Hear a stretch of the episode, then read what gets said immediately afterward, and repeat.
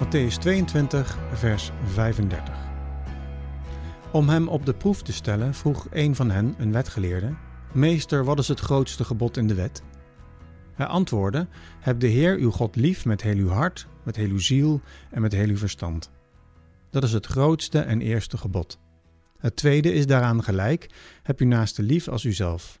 Deze twee geboden zijn de grondslag van alles wat er in de wet en de profeten staat. Onlangs kreeg ik van een gemeentelid een mooie vraag over deze tekst. En de vraag ging als volgt: In de Bijbel staat dat je de ander moet liefhebben als jezelf. En dat van die ander begrijpen we vaak wel. Maar jezelf liefhebben, wat is dat? Wat houdt het in? En kun je pas een ander liefhebben als je jezelf liefhebt? Is dat de bedoeling ook van deze tekst? Ik vond het een prachtige vraag. De ander liefhebben als jezelf. Als je jezelf niet liefhebt, kun je ook de ander niet goed liefhebben. Dus moet je eerst jezelf liefhebben. Dat is een beetje de gedachtegang. Is dat nu een opdracht tot zelfliefde, deze tekst? Nu, dat antwoord is eigenlijk kort en krachtig volgens mij.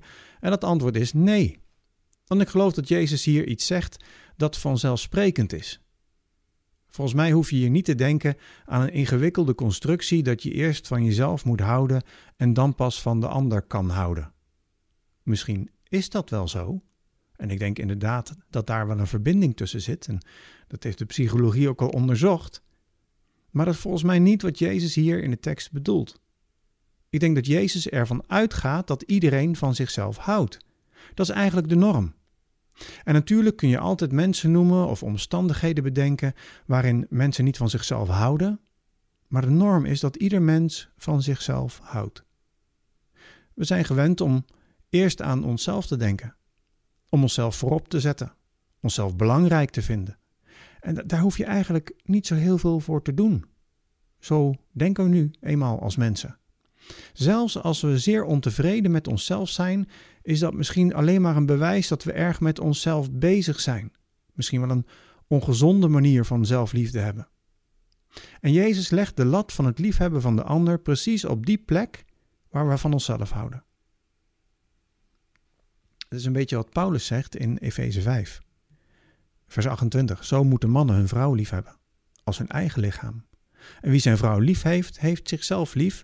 Niemand haat ooit zijn eigen lichaam, integendeel, men voedt en verzorgt het, zoals Christus de kerk.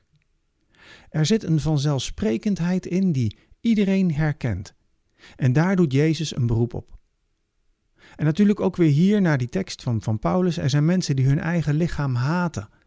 Maar het is hier het voorbeeld zoals we allemaal ons lichaam verzorgen, voeden en kleden. Zo moet je ook je vrouw liefhebben. Zo moet je je naaste liefhebben. Jezus en Paulus zeggen dat het een automatisme is dat je voor jezelf zorgt, dat je jezelf lief hebt. En het automatisme moet er ook zijn voor de ander.